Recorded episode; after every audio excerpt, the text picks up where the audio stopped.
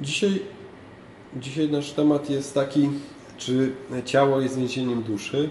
Temat ten tak sobie nazwałem, ponieważ yy, myślę, że że generalnie yy, papież, tak jak czytam ten, yy, te jego nauczania mm, i jak o nich rozmawiamy, to papież mówiąc o teologii ciała tak naprawdę mówi o wartości ciała i o godności człowieka w ciele. I to bardzo wyraźnie podkreśla. Więc taki temat właśnie, czy, yy, czy ciało jest więzieniem duszy. Nie? Niektórzy tak mówili, że ciało jest takim więzieniem duszy i za chwileczkę o tym yy, coś więcej.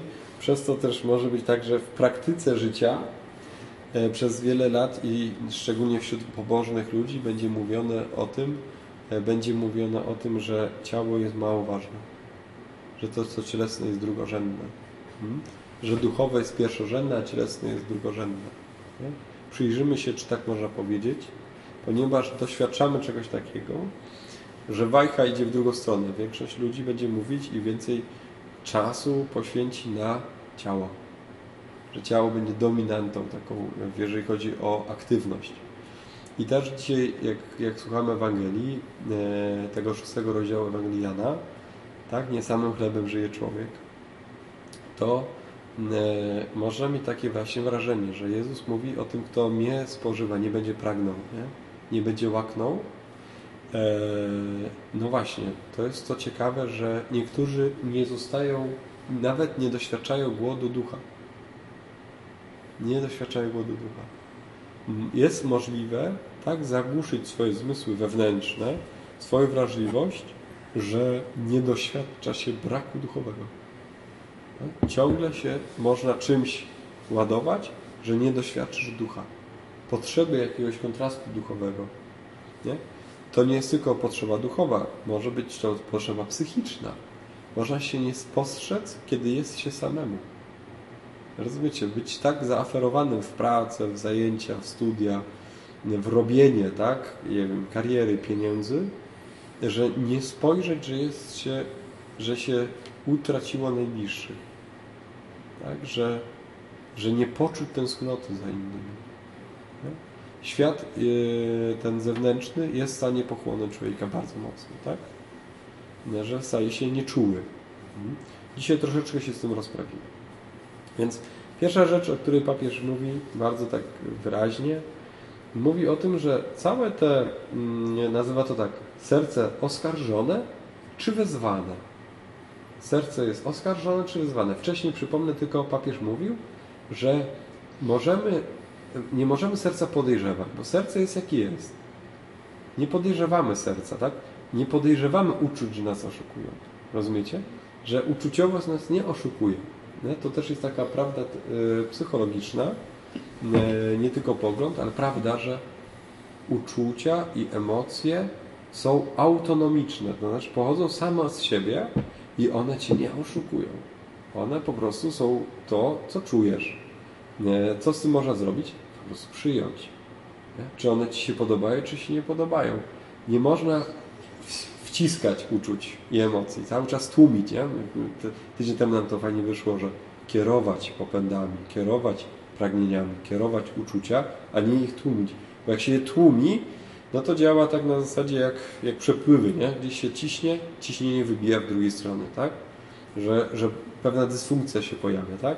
Na przykład ktoś, yy, na przykład, nie wiem, yy, ciśnie swoje uczucia lęku, tak?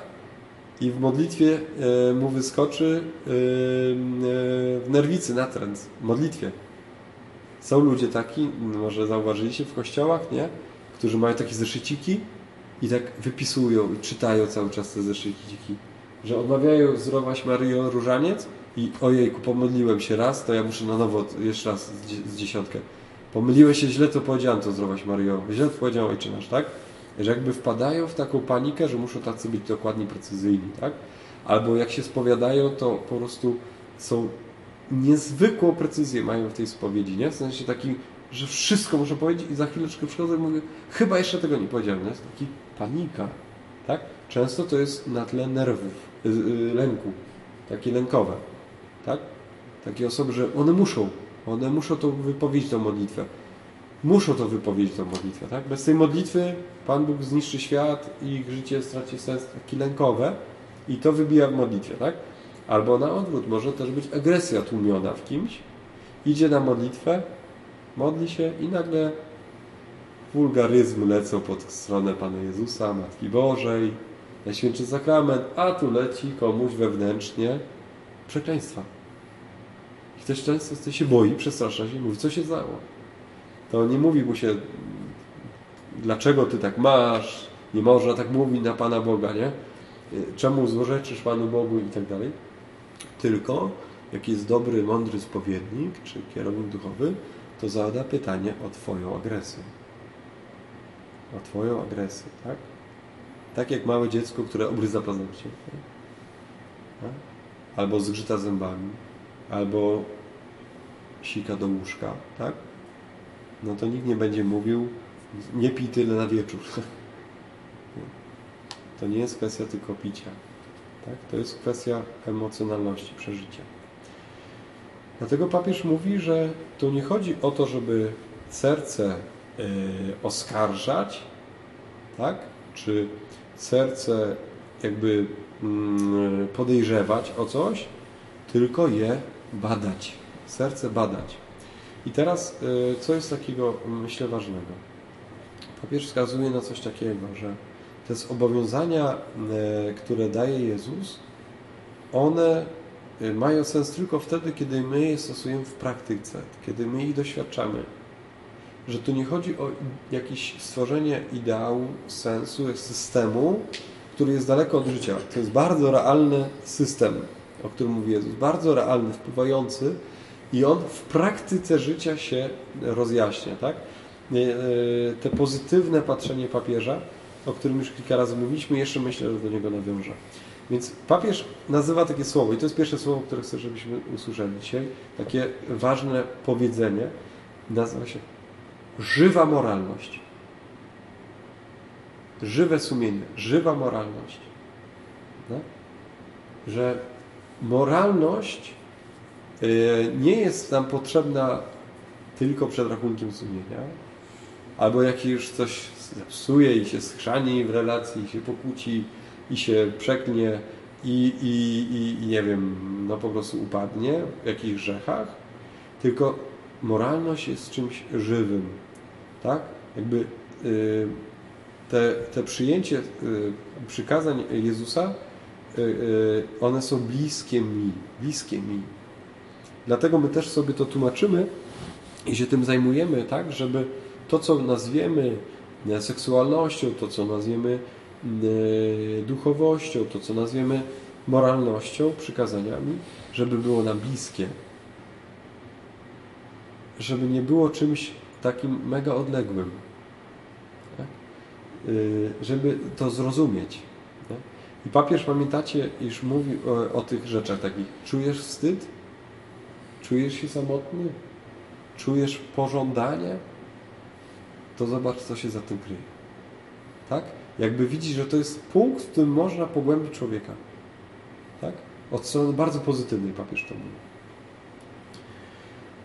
I zadaje takie pytanie właśnie, czy y, w tym, w tym przestrzeganiu przykazań, które Bóg nam daje, dwie skrajności, jak północ i południe.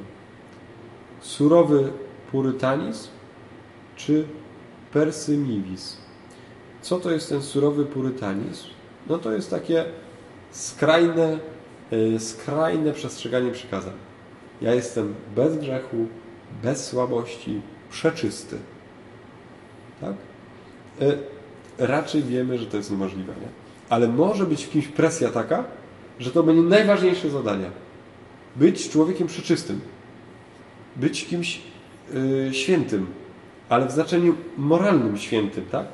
Y, czasami jak ludzie się nawracali, to mają taki moment, że teraz będą święci.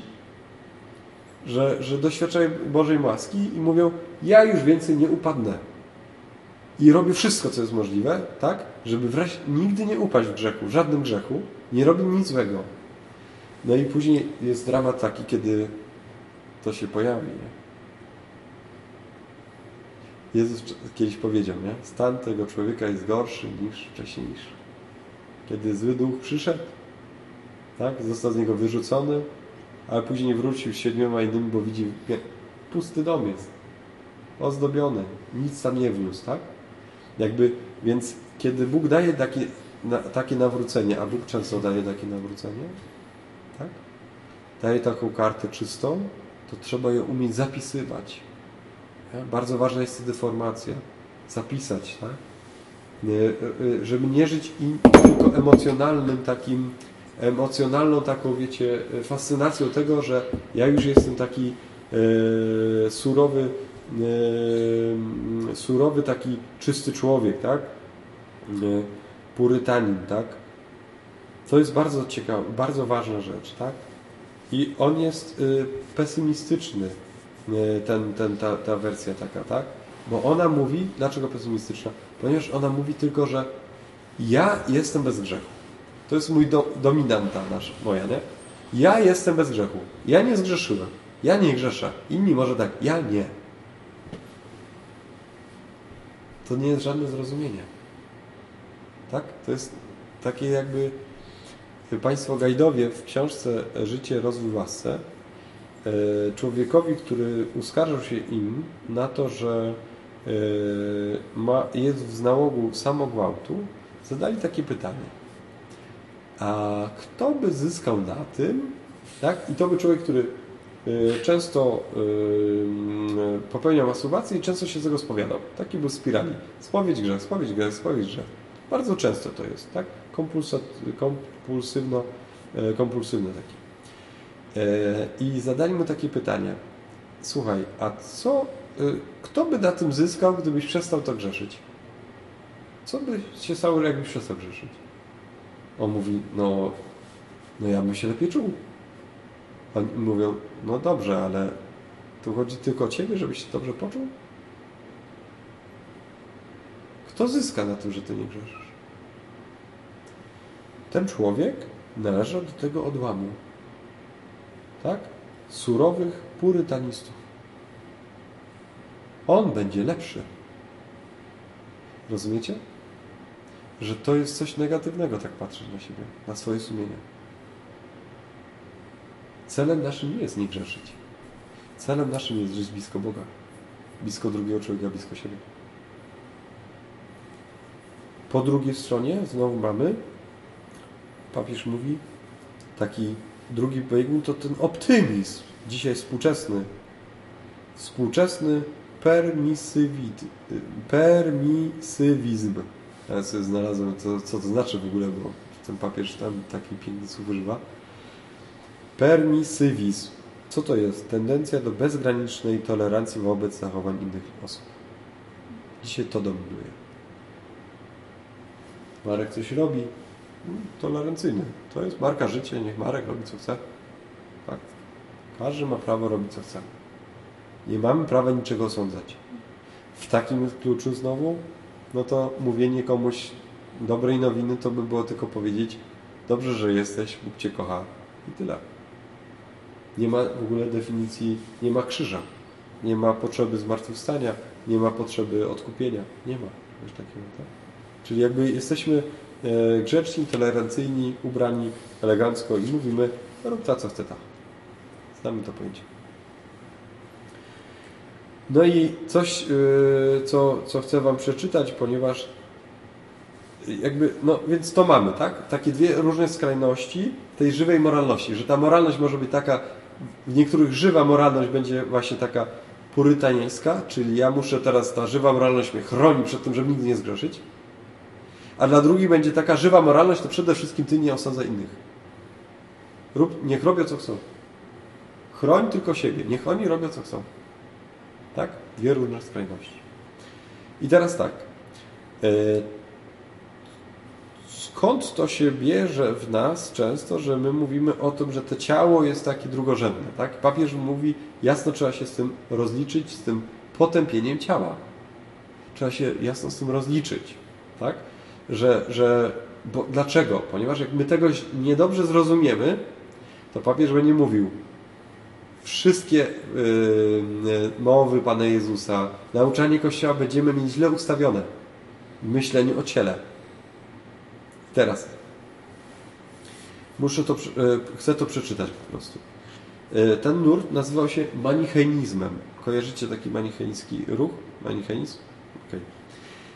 Manicheizm zawiera w sobie i rozwija cechy charakterystyczne dla wszelkiej gnozy. Będę tłumaczył te pojęcia, dobrze? Yy, ale papież też tłumaczy. Wszelkiej gnozy to znaczy dualizm dwóch odwiecznych i radykalnie przeciwstawnych pierwiastków oraz pojęcie zbawienia, które dokonuje się poprzez poznanie gnozę, czyli samozrozumienie. Czyli uwaga. Yy, dualizm to jest tak. Ciało jest ciało, duch jest duch. Nigdy nie będą ze sobą połączone. Ciało jest ciało, duch jest duch. Tak i był nurt manicheński. I teraz tak. Radykalnie się przeciwstawiają. Yy, zbawienie pojmowane jest jako gnozę, czyli samo zrozumienie. Jak ty to zrozumiesz, to już jesteś zbawiony. Tak? Gnozis, poznanie. To, była sek to były sekty traktowane w chrześcijaństwie, to były sekty. Bo gnozy to niektórzy mieli wiedzę i mieli poznanie i oni już byli zbawieni. Tak nie jest. Wiecie dlaczego? Bo tu nie jest potrzebny Bóg. Dzisiaj jest wielu ludzi gnostycznych. My słowo znamy agnostyk, tak? Agnostyk to jest taki człowiek, który mówi, nie wiem czy Bóg jest, czy go nie ma, nie można go poznać. Agnozis, nie do poznania. Ale tu te znaczenie w manicheizmie gnozy jest to, że ja to rozumiem, tak? I co z tego wynika? Posłuchajcie. W każdym micie manichejskim powtarza się ten sam bohater i ta sama sytuacja. Poznanie, w cudzysłowie poznanie, wyzwala duszę upadłą i uwiązaną w materii. Obecna sytuacja historyczna jest złowroga dla człowieka, gdyż stanowi prowizoryczne i nienormalne, nienormalne zmieszanie ducha i materii, dobra i zła, zakłada stan uprzedni, w którym obie substancje były oddzielone i niezależne od siebie. Istnieją więc trzy okresy. Początek, czyli pierwotne oddzielenie, środek, czyli obecne zmieszanie oraz koniec, który będzie polegał na przywróceniu pierwotnego oddzielenia, na zbawieniu zakładającym całkowicie zerwanie między duchem a materią. Czyli oni wierzą, my wierzymy w ciała zmartwychwstanie. A tam by była wiara taka, że wreszcie się uwolnisz. Tak? Idziemy dalej. Materia jest zasadniczo porządliwością, złym pożądaniem przyjemności, instynktem śmierci, porównywalnym, jeśli nie identycznym, z rządzą seksualną, libido. Jest to potęga, która próbuje podbić dobrą światłość, nieuporządkowany popęd, zwierzęta brutalna i na pół świadoma rządza. To jest ciało. Idziemy dalej. Co oni mówią? Posłuchajcie. Adama i Ewę zrodziły dwa demony, a rodzaj ludzki rodzi, w, y, rodzi się w konsekwencji odrażających aktów kanibalizmu i seksualizmu, zachowując piętno tego szatańskiego pochodzenia.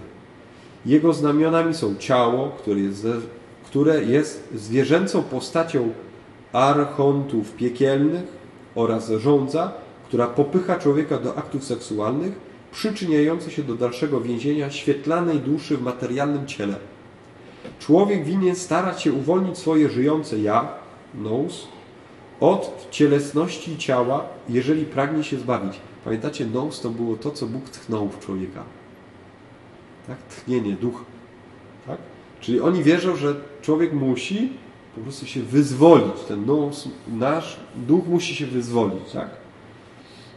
jeżeli chcesz być zbawiony, to musi się uwolnić. Skoro materia znajduje swój najwyższy wyraz porządliwości, głównym grzechem jest więc akt płciowy, który manicheizowie nierządem i uważa za zwierzęcenie, czyniące z ludzi poprzez prokreację narzędzia i wspólników złego. Mamy? Pokłosie do dzisiaj.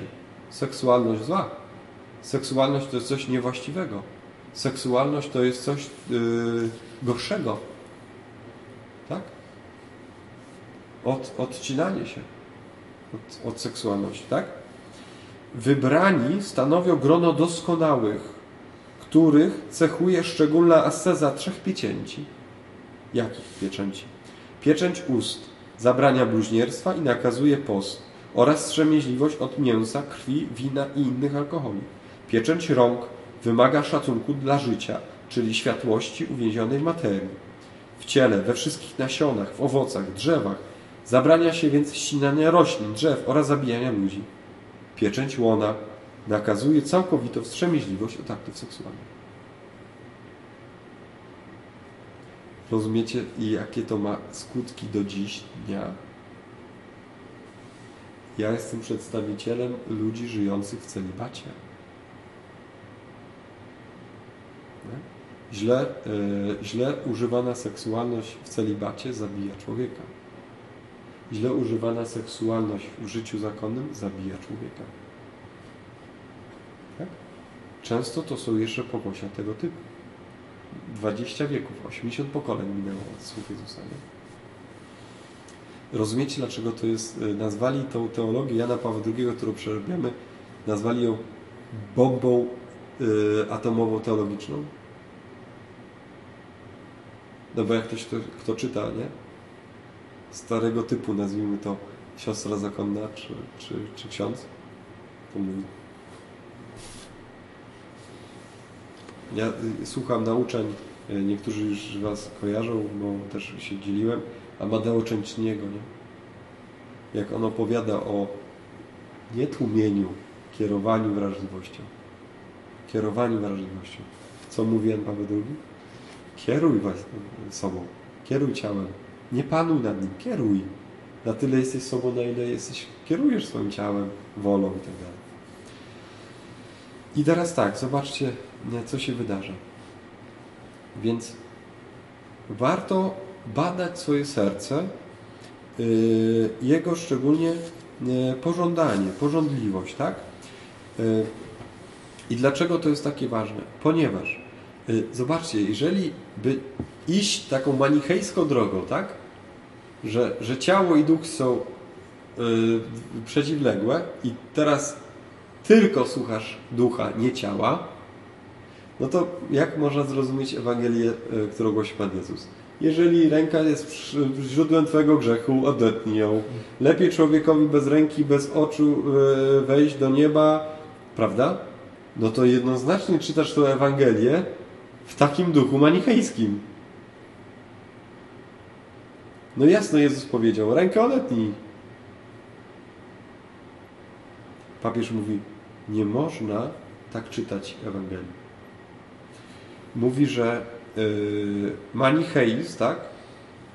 Wiadomo, że manicheizm w swojej pierwotnej postaci zrodzony na wschodzie, poza środowiskiem Biblii, wyprowadzony z dualizmu mazdejskiego, widział źródło zła w materii, w ciele. Głosi więc potępienie wszystkiego, co w człowieku cielesne. Ponieważ zaś człowiek najbardziej cielesnym wydaje się przez swoją płciowość, stąd potępienie to rozciągało się na małżeństwo, współżycie małżeńskie, a także na inne dziedziny bytowania i postępowania, których uwydatnia się cielesność człowieka. Yy, więc nie możemy patrzeć, że człowiek jest ontycznie zły, bo jest cielesny. Że człowiek jest gorszy, bo jest cielesny. Nie możemy w ten sposób patrzeć, że seksualność jest czymś złym. Papież mówi, jasno, nazwijmy to inaczej, tak? Ona jest czymś dobrym, nie należy do dziedziny tabu. Przez wiele wieków, tak? Yy, seksualność, nawet do dzisiaj przecież, u wielu księży można to usłyszeć, czy w konfesjonale, seksualność jest tematem, uwaga, zamkniętym w ciemnym pokoju. Tak? O którym się nie rozmawia. Jakby temat nie istniał. Czyli jedna z podstawowych energii w człowieku nie istnieje. Co nie jest prawdą. I ta bajka jest walnięta w drugą stronę taką, że ok, w kościele o tym się nie rozmawia, nie mówi i tak dalej, ale wystarczy włączyć pierwszy program telewizyjny, nie? jakikolwiek pierwszy program telewizyjny i nie? jest co jest, prawda? Hmm? Tak. Y, więc tak myśle, my, takie myślenie o seksualności, o, materia, materia, o, o ciele, tak? papież wskazuje, nigdy nie jest w stanie nas naprowadzić, że ciało jest darem. No bo nie jest. Jest złe. Że seksualność jest darem. Nie, jest zła. A jeżeli już, to współżycie jest tylko dla dzieci. Żeby było potomstwo. no, od sacze zwierzęce samo odtwarzanie się gatunku. No trudno, no. Więc w takim kluczu zobaczcie, co się wydarza. Jak łatwo już pójść dalej, papież o tym nie mówi, ale ja sobie myślę tak.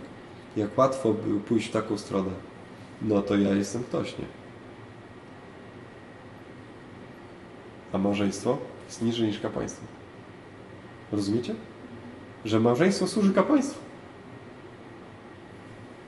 A rola jest inna. Rozumiecie? Kościół, ko, kapłaństwo służy małżeństwu. Kapłaństwo służy Kościołowi. Kapłaństwo jest obok małżeństwa. Kapłaństwo tworzy Kościół, tak? Hierarchiczny, służebny, ale małżeństwo też jest sakramentem, który jest budujący wspólnotę. Tak? To jest na równi. Ale jak często było inaczej, nie? Że kapłaństwo jest wyżej. Ale nie w znaczeniu wyżej, że trzeba szanować księży i utrzymywać księży. Tak? Bo, bo ksiądz nie wypracowuje pieniędzy wprost, tak? Tylko przez służbę. Natomiast zobaczcie, co się dzieje. W takim myśleniu duchowym, łaski. No. Często też jest to związane z tym seksualnym, tak? Że on jest ten, który jest poświęcony, tak? Poświęcony. Albo ona jest poświęcona. Mhm. Warto badać serce. Mhm. Sąd nad porządliwością ciała ma znaczenie zasadniczo różne od tego, jakie można zakładać manichejska ontologia ciała i jakie z kolei musi z niej wynikać. Rozumiecie? Więc popatrzcie, porządliwość ciała ma całkowicie inne znaczenie dla Was niż w duchu manichejskim. Pożądasz? Od razu źle jesteś, zły jesteś. Pożądasz, to ty jesteś manichejczyk, ty rozdzielasz duszę od ciała. Nie. Pożądanie jest zaproszeniem do tego, żeby zobaczyć sobie, y, że to jest ta druga osoba. Jest zaproszeniem do tego, że ten drugie ciało, które pożądasz, jest osobą, jest bytem osobowym. Może być dla Ciebie darem. Mhm. I teraz, yy, co jest takiego ważnego? Papież pisze za listem świętego Pawła do Rzymian o, odkupieńczy, o odkupieniu ciała. Że Chrystus jest wcielony i odkupił nasze ciało. Dlaczego odkupił nasze ciało? I teraz takie, myślę, że bardzo wartościowa rzecz, żeby sobie to usłyszeć. Tak? Dla nas ciało nie, nie jest antywartościowe. Czyli dla nas ciało y, nie jest niewartościowe. Ale Jezus, Paweł mówi, odkupił nasze ciało, więc co się wydarza? Y, papież mówi tak, ono jest po prostu nie dość wartościowe. Rozumiecie? Nasze ciało jest nie dość wartościowe. Dlatego Paweł mówi, potrzebne jest odkupienie ciała, bo jest nie dość wartościowe. Więc Paweł będzie mówił, trzeba będzie ciało dowartościować. Tak? Ciało w drugim człowieku trzeba będzie dowartościować. No. Szczególnie ciało, uwaga, czyje trzeba będzie dowartościować? Kobiece ciało będzie trzeba dowartościować. Tak? Yy, dzień dobry. To raczej wy cały czas upiększacie swoje ciało. Faceci raczej tego.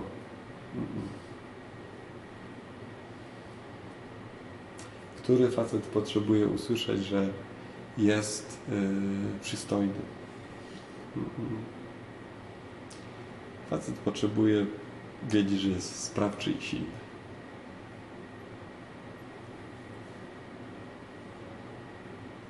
Fajnie, że jesteście silne kobietki.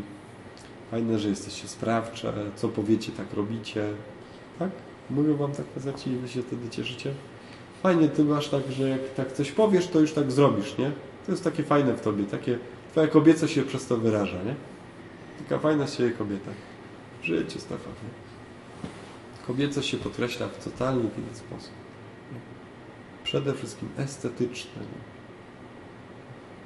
I dobrze, kiedy ta estetyczność, nie? ten powab jest dobrze ukierunkowany, tak? tak?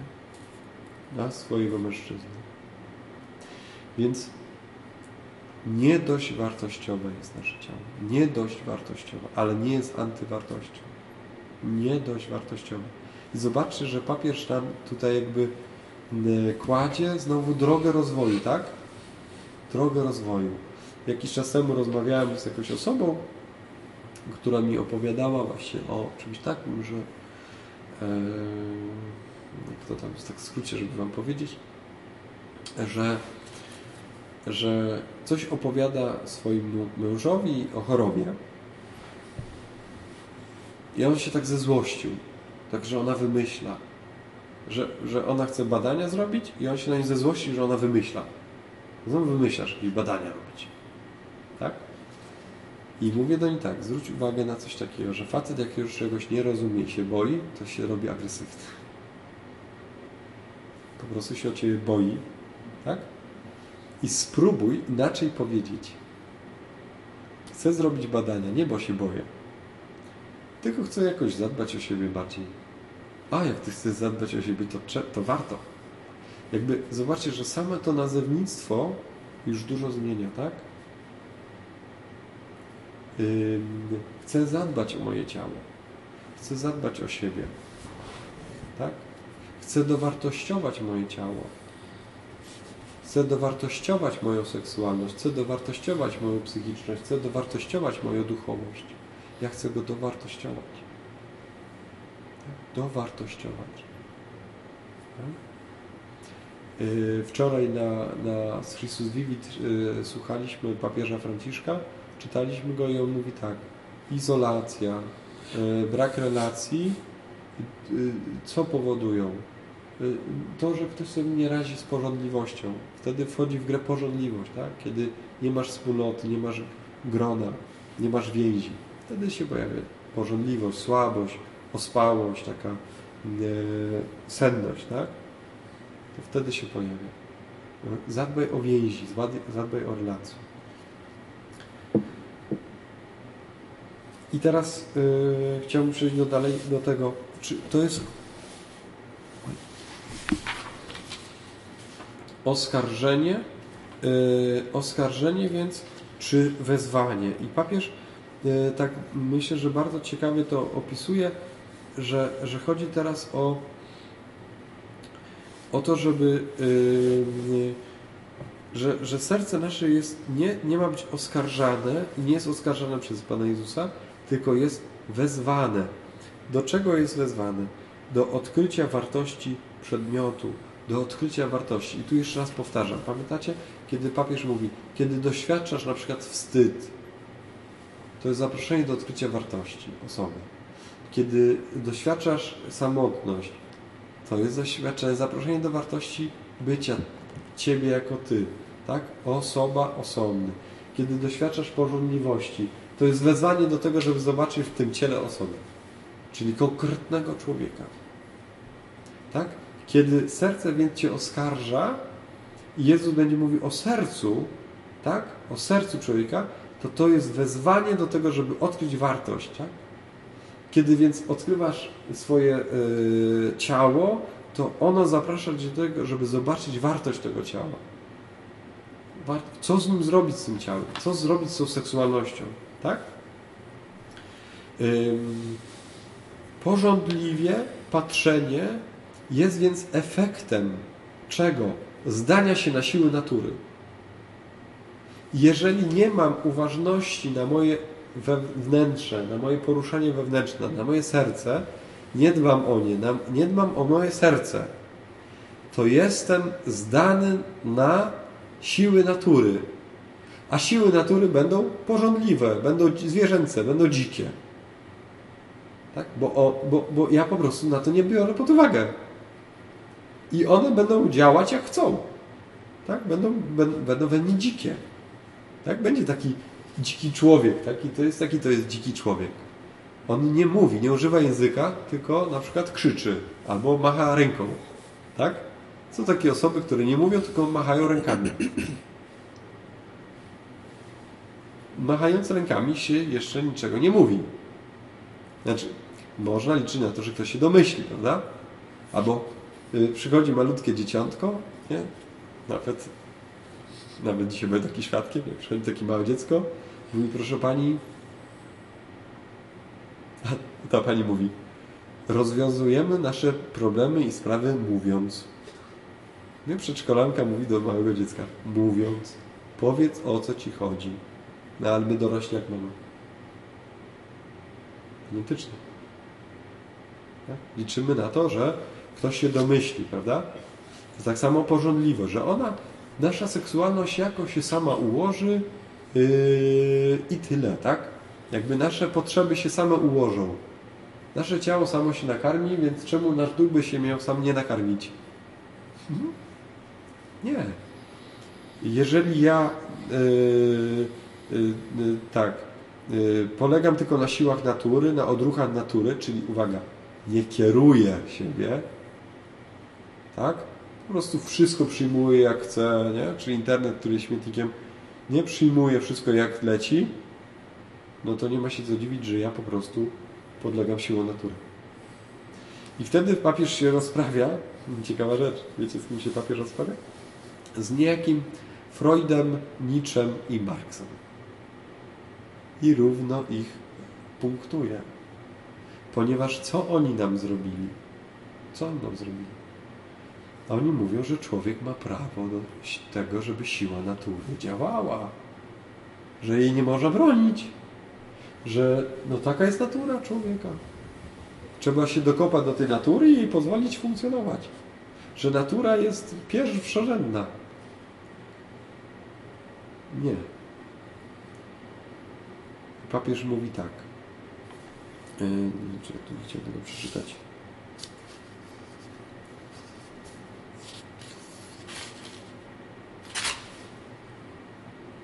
Aha, no właśnie. Jezus wzywa nas, mówi o sercu, wzywa o serce, mówi, kto w sercu by spojrzał porządliwie, tak, pożądał kobiety, w sercu pożądał kobiety, już dopuści się cudzołóstwa. To ostatnio żeśmy o tym mówili. I teraz Jezus mówi o sercu, mówi o wewnętrznym wezwaniu, że człowiek w swoim sercu, czyli w swojej naturze, jest do czegoś wezwany, do jakiegoś odkrycia. I teraz tak, tajemnicy stworzenia jest pierwsza łaska. Tajemnicy stworzenia jest pierwsza łaska. Ale jest jeszcze tajemnica odkupienia i druga łaska. Czyli kiedy otwieramy się na Bożego Ducha, otrzymujemy drugą łaskę, że my możemy coś z tym zrobić. Z naszą cielesnością, z naszą płciowością. Jest na to sposób. Jest dana łaska odkupieńcza, tak? Która, yy, zobaczcie, nie musi nas podnosić yy, do duchowego postaci i wyłączyć ciało, tylko nasze ciało może być całe podniesione. Czyli to, co my przeżywamy, może być podniesione. Yy, to może być szlachetne i piękne. To nazywamy miłością. Ok? Pominąłem kogoś ważnego. Pominąłem jeszcze, słuchajcie, Platona. Muszę, jestem Wam winny Platona jeszcze, przepraszam. Ale to jest szalenie ważne, żeby Platona zrozumieć. Już raz, już, już tutaj wracamy do Platona. Tak, za chwileczkę będziemy Platona. Więc yy, Freud będzie mówił o libido, znamy to pojęcie libido, prawda? Energii seksualnej, libido w człowieku. To jest bardzo ciekawy temat, w ogóle libido. Libido nam spada generalnie. Jak się źle ktoś prowadzi, to libido mu spada. Nie? E, bardzo szybko to widać w związku, jak libido spada, bo po prostu nie dbamy o swoje ciało, psychikę i relacje. No po prostu nam się nie chce współżyć. I tracimy powab, tak? Są też osoby takie, że, że można rozpoznać kimś, czy jest libido, czy go po prostu nie ma. Tak? Po prostu on mm, no, jest nieprzyciągająca osoba, która nie ma libido. Więc papież mówi, przeciwko antytezę daje freudowskiego libido, że mówi, tu nie chodzi o libido, tylko chodzi o to, że ktoś y, jest wezwany do siły wewnętrznej mocy, do miłości i uwaga, nie słyszy tego wezwania. Nie umie tego ukierunkować. Tej energii nie umie ukierunkować. I co robi? Po prostu ją trwoni. Rozumiecie, dlaczego to będzie nazwane grzechem? Samogwałt, cudzołóstwo i w ogóle. Bo to jest trwonienie energii.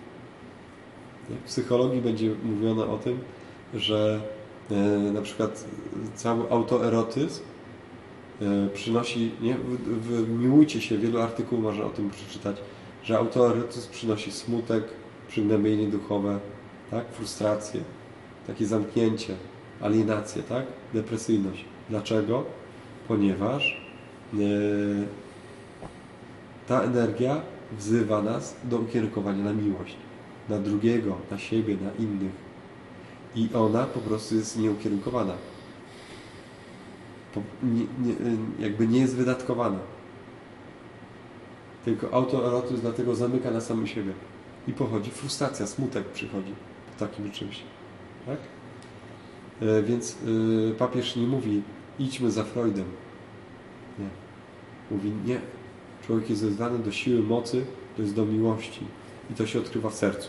No i teraz Platon. E, relacja między etosem a erosem. Dzisiaj będzie dłużej przepraszam, ale, ale to już zakończę tym, tym wątkiem. E, relacja, bo chcę zakończyć ten dział.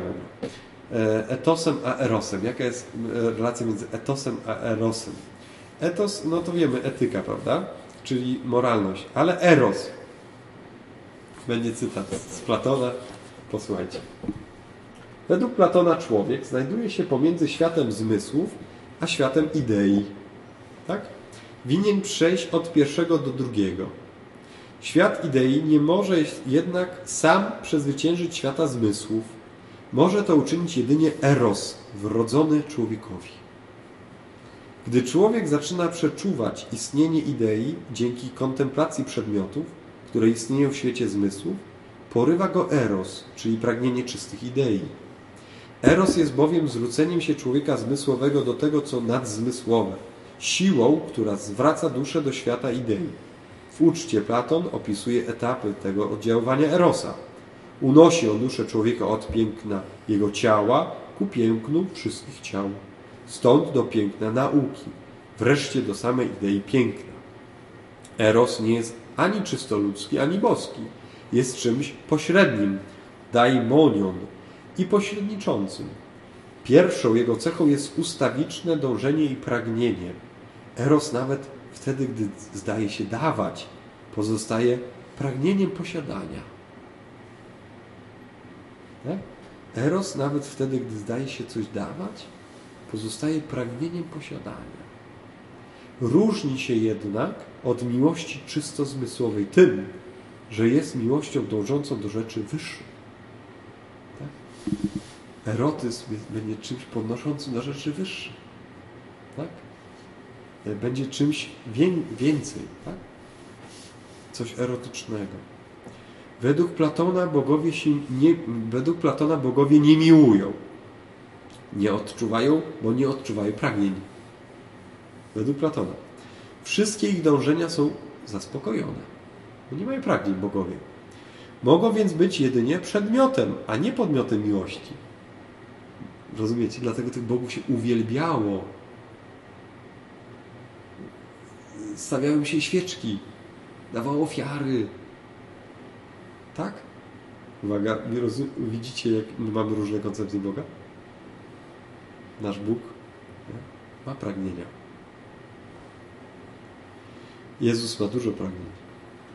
Jak ktoś nie wie, to niech sobie obejrzy The Chosen, prawda? Nie mają więc bezpośredniego kontaktu z człowiekiem bogowie. Jedynie pośrednictwo Erosa pozwala na nawiązanie jakiejś relacji. Eros jest więc drogą, która człowieka, człowiek zdąża do bóstwa, a nie odwrotnie. Tendencja do transcendencji jest więc konstytutywnym elementem platońskim koncepcji Erosa. Mhm. Tendencja do transcendencji, żeby przekroczenia siebie która przezwycięża radykalny dualizm świata idei i świata zmysłów, Eros pozwala przejść z jednego do drugiego. Jest on więc formą ucieczki poza świat materialny, którego dusza musi się wyrzec, gdyż piękno przedmiotu zmysłowego ma wartość tylko o tyle, o ile prowadzi wyżej. Czyli Eros co robi? Podnosi w świat idei. Jest energią, która ma nas podnieść wyżej. Więc zobaczcie, jaki jest Eros.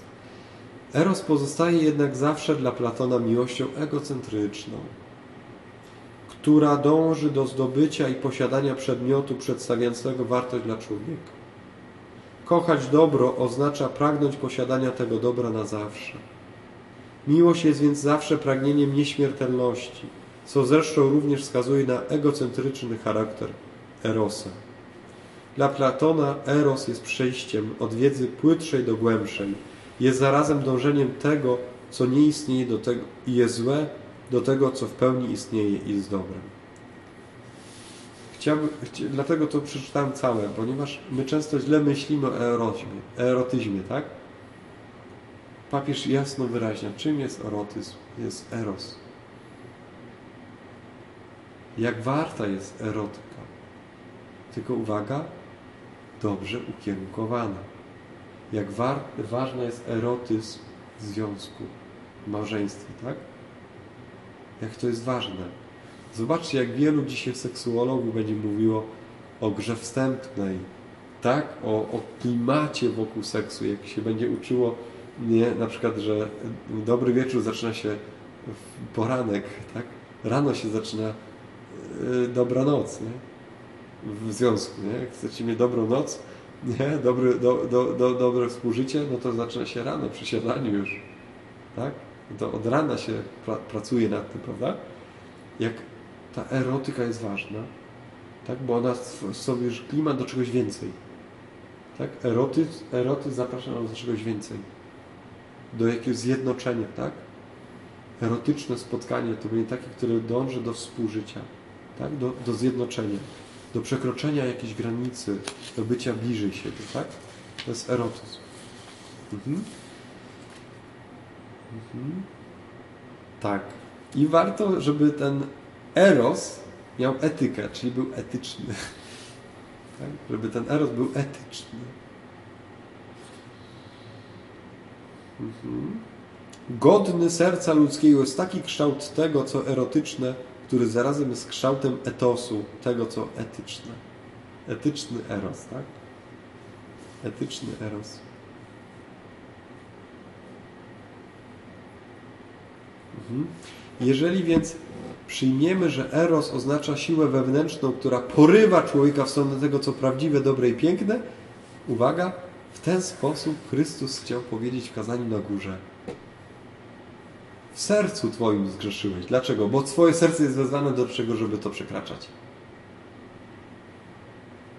Że w sercu jest energia, która źle ukierunkowana będzie porządliwie patrzyła, ale też może patrzeć w sposób erotyczny. I to jest ok.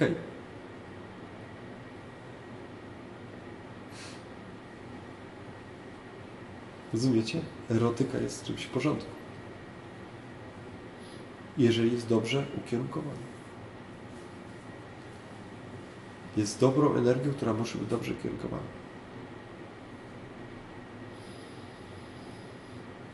Pytanie, jak ją ukierunkować? I ostatnia rzecz. Właśnie. Tak więc nieodzowne jest, żeby etos stał się siłą konstytutywną erosa. Etos. W erotyce jest ważny etos. Zasady.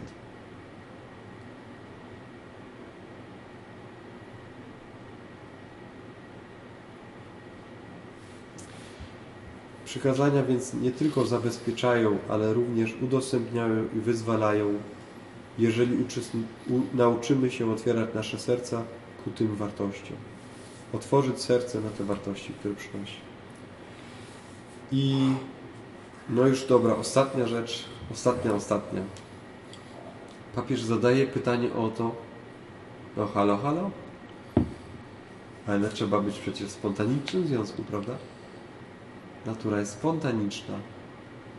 Nie chodzi o to, żeby sobie zaprogramować minutka po minutce w związku być bliskość, prawda? Ona jest spontaniczna. Jak więc być spontanicznym w związku? Jak więc mieć seksualność spontaniczną, a nie z podręcznika? Jak być spontanicznym? Wyrażać siebie, swojej wrażliwości, w praktyce życia, jak być spontanicznym w kobiecości, w męskości, być spontanicznym, a nie ciągle zastanawiać, czy, czy ja mogę tak, czy nie mogę tak, czy ja mogę dotknąć to już dobrze, czy ja dotknę to już za bardzo, będzie za bardzo. Papież mówi, mamy być spontaniczni i będzie wzywał nas do pięknych rzeczy. Do tego, żeby rozeznawać poruszenia własnego serca, żeby być w tym naturalnym. Uczyć się znaczenia ciała, znaczenia kobiecości, męskości. Uczyć się ich nie tylko w jakiejś obiektywizującej abstrakcji, ale uczyć się nade wszystko w odrębnie wewnętrznych reakcji swojego serca. Jest to wiedza, której do końca nie można nabyć z książek. Chodzi tu bowiem nade wszystko o głęboką umiejętność ludzkiego wnętrza. Nie? Ten geniusz pisze, że to nie chodzi o książki. To jest pokora, nie? Przeciwstawiamy więc upodobanie i pożądanie. Głębokie wzruszenie czy zmysłowe podniecenie. Jeżeli chcesz pożądać, to będziesz się zmysłowo może i podniecał. Ale możesz wybrać drogę upodobania i głęboko się wzruszać. To jest różnica i zakończenie wątku, do której papież zachęca. Do słowa skazania na górze, w których Chrystus zwraca uwagę swych słuchaczy, ówczesnych i współczesnych, na pożądanie, pożądliwe patrzenie, wskazuje pośrednio drogę do takiej dojrzałej spontaniczności ludzkiego serca, która nie tłumi jego szlachetnych pragnień i dążeń, lecz wręcz przeciwnie, wyzwala je i zasadniczo umożliwia.